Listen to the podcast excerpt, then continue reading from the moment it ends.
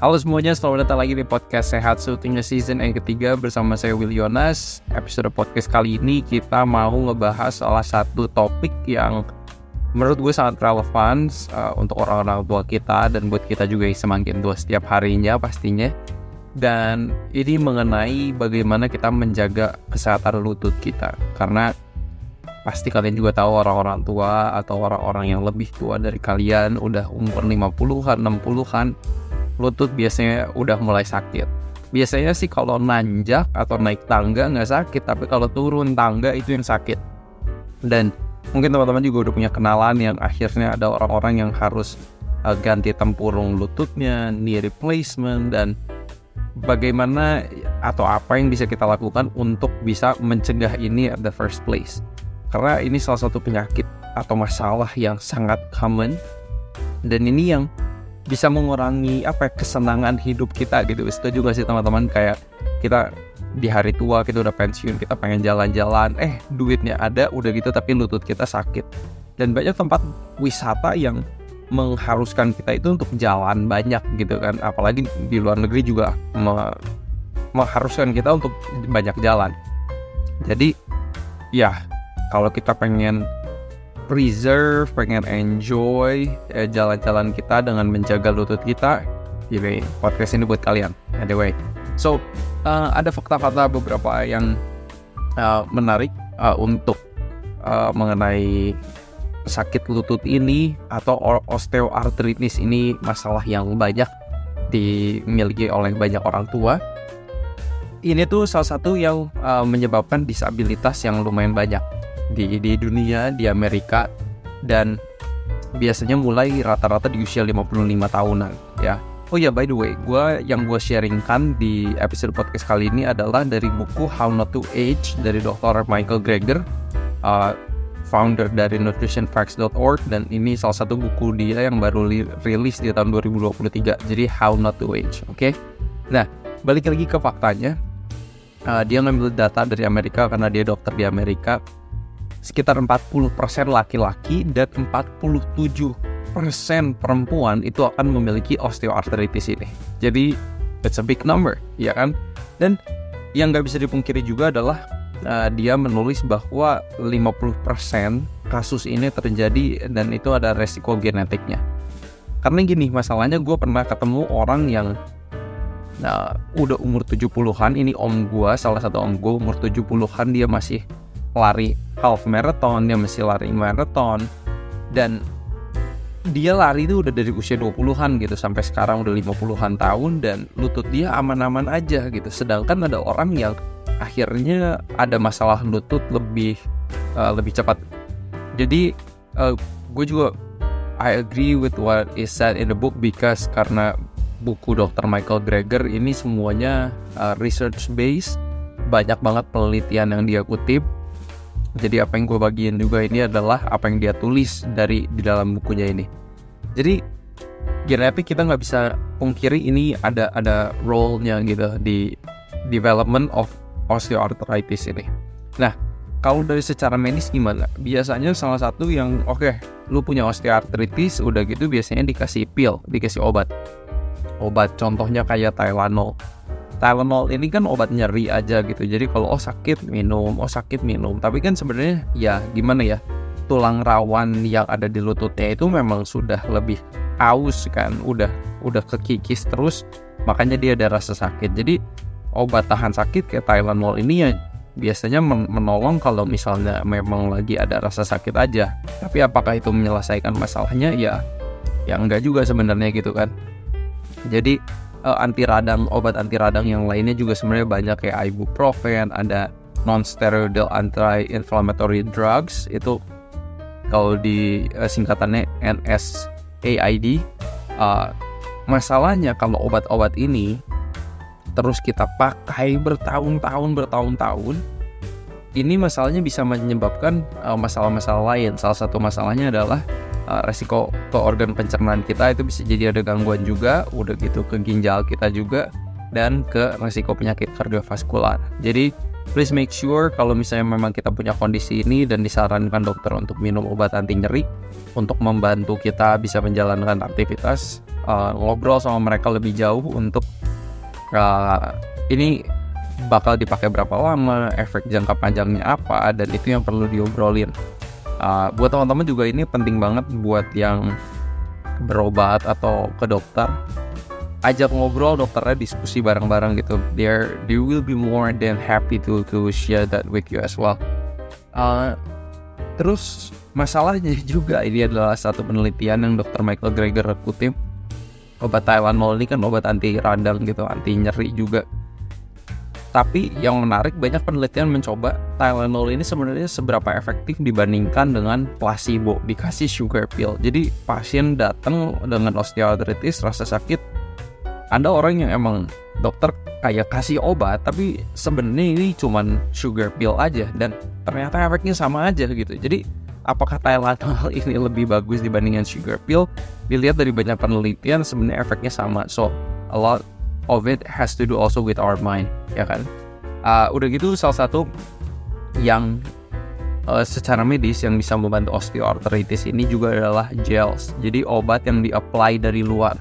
Jadi sakitnya lutut jadi kayak ada semacam gel gitu kita kasih dari luar. Ini juga uh, obat NSAID uh, di-apply dari luar ya kan? Ini lebih aman dibandingkan obat makan karena ini kan jadi nggak memberikan efek samping ke pencernaan, ke kardiovaskular, ke ginjal, tapi cuman di apply dari luar. So it's an option. Ya, yeah, it's an option. Uh, gimana dengan uh, injection? Uh, teman-teman juga mungkin udah ada yang pernah dengar sakit-sakit lutut gini itu bisa disuntik, ya.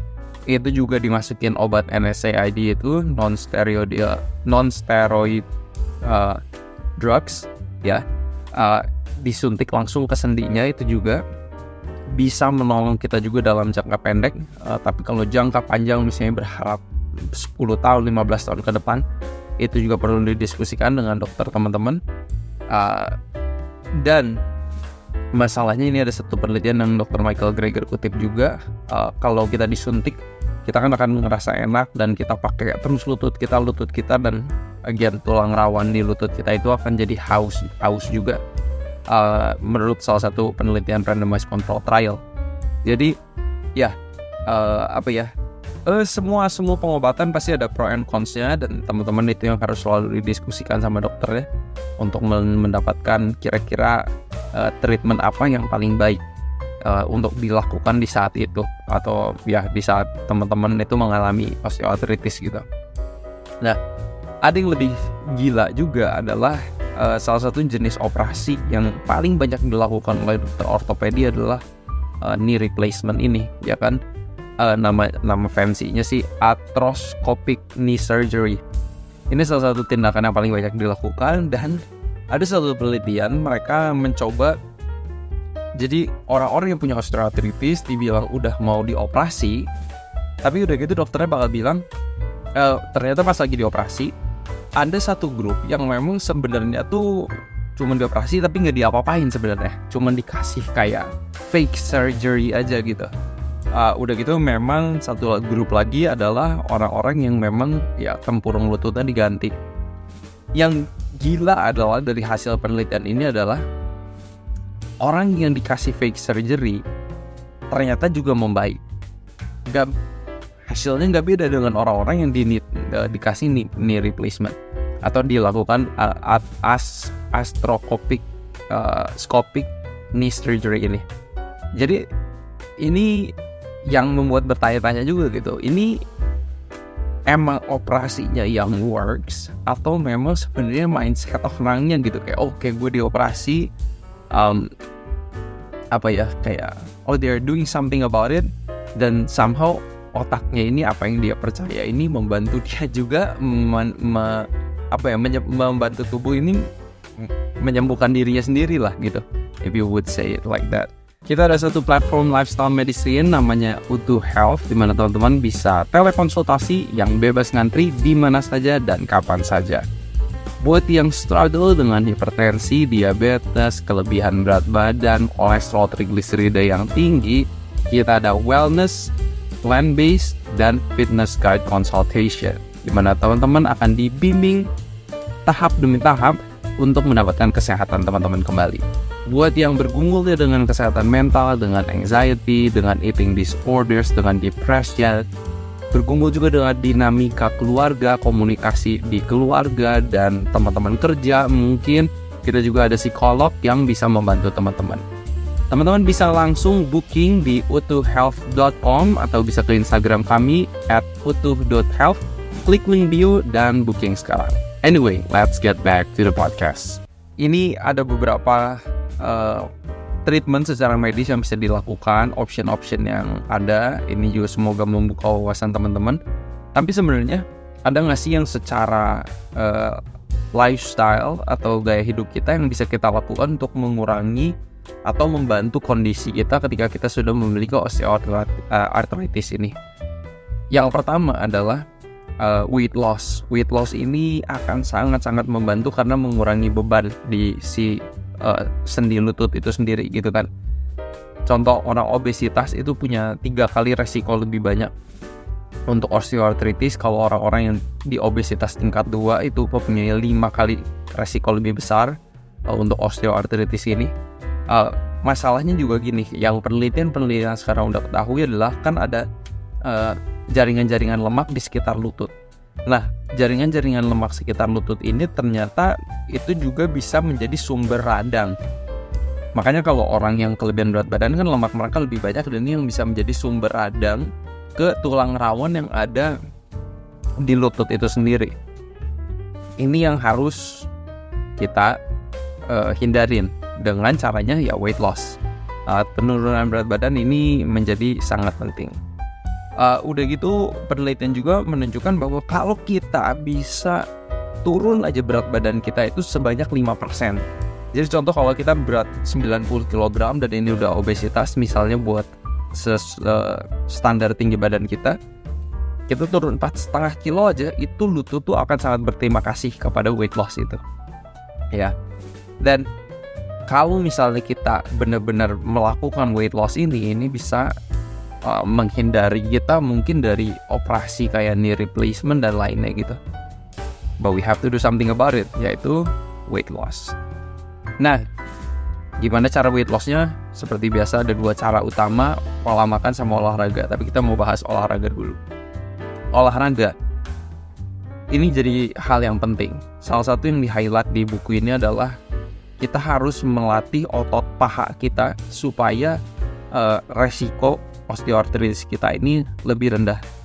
Jadi otot-otot paha depan, otot quadricep itu harus kita latih dengan contohnya squat, dengan gerakan seperti naik sepeda. Nah, kalau di gym sih banyak banget ya, tapi salah satu yang paling gampang di rumah dilakukan squat, lunges. Itu akan sangat bagus banget untuk kita rutin lakukan untuk menjaga lutut kita.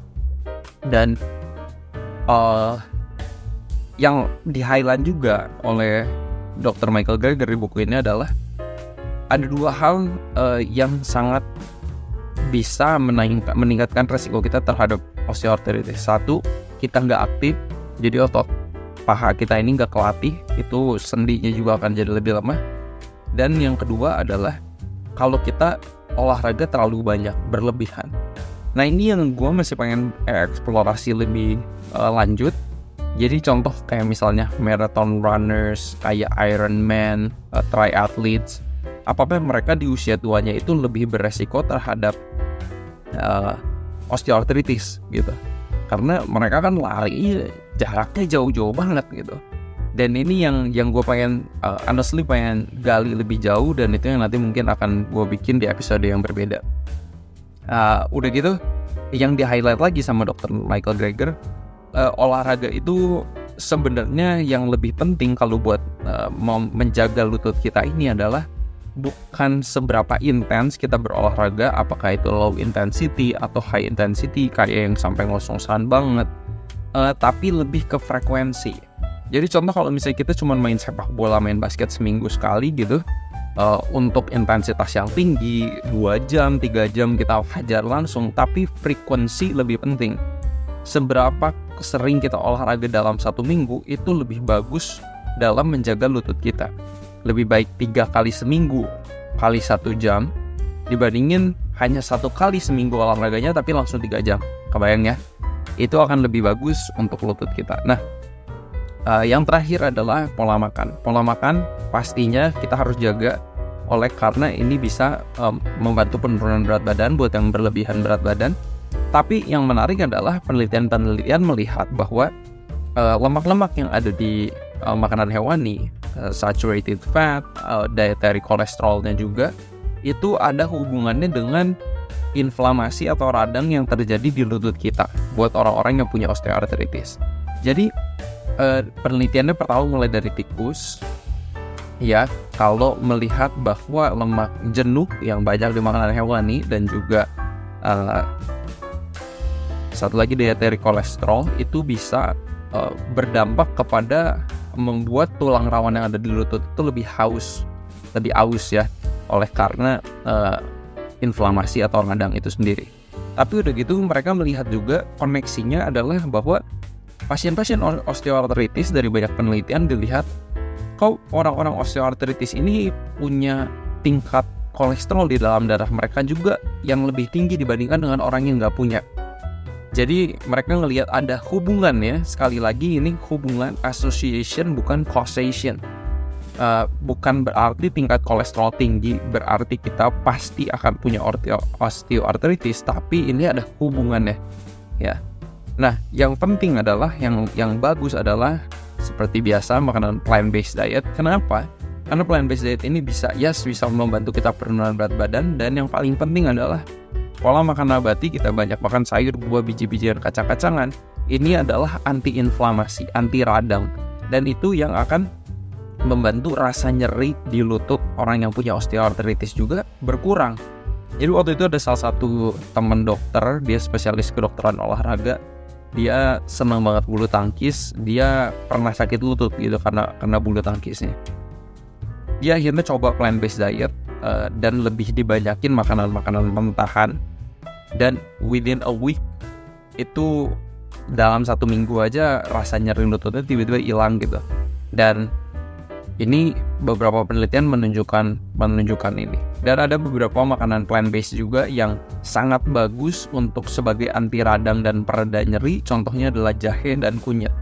Kalau teman-teman lagi misalnya ada sakit osteoartritis ini, coba uh, makan atau minum ya kunyit jahe yang lebih banyak apakah dari masakan yang dimasak atau nggak dibikin minuman kalau di Indonesia kita kan ada jamu-jamuan kan ya itu udah udah sangat biasa bikin uh, teh jahe gitu kan atau misalnya minumannya Jokowi ya presiden kita juga presiden Jokowi itu juga ada pakai kunyit ada kencur dan lain-lain.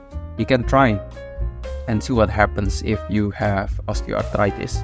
Jadi teman-teman uh, ini uh, oh iya satu lagi satu lagi. Uh, dengan kita mengkonsumsi makanan plant based diet ini juga bisa me mengurangi asupan uh, arachidonic acid atau omega 3 eh omega 6 yang berlebihan. Omega 6 ini salah satu source yang paling banyak dimakan manusia adalah dari telur dan daging ayam. Jadi kalau kita mengurangi konsumsi ini, arachidonic acid, arachidonic acid ini bisa uh, kalau kita makan kebanyakan, ini bisa memacu radang. Jadi rasa nyeri itu bisa muncul. Tapi kalau kita kurangin asumsi uh, sorry konsumsi dari omega 6 dari arachidonic acid ini uh, rasa nyeri atau proses radang di dalam tubuh kita ini juga bisa berkurang. Itu teman-teman mungkin yang bisa gue bagiin di episode podcast kali ini.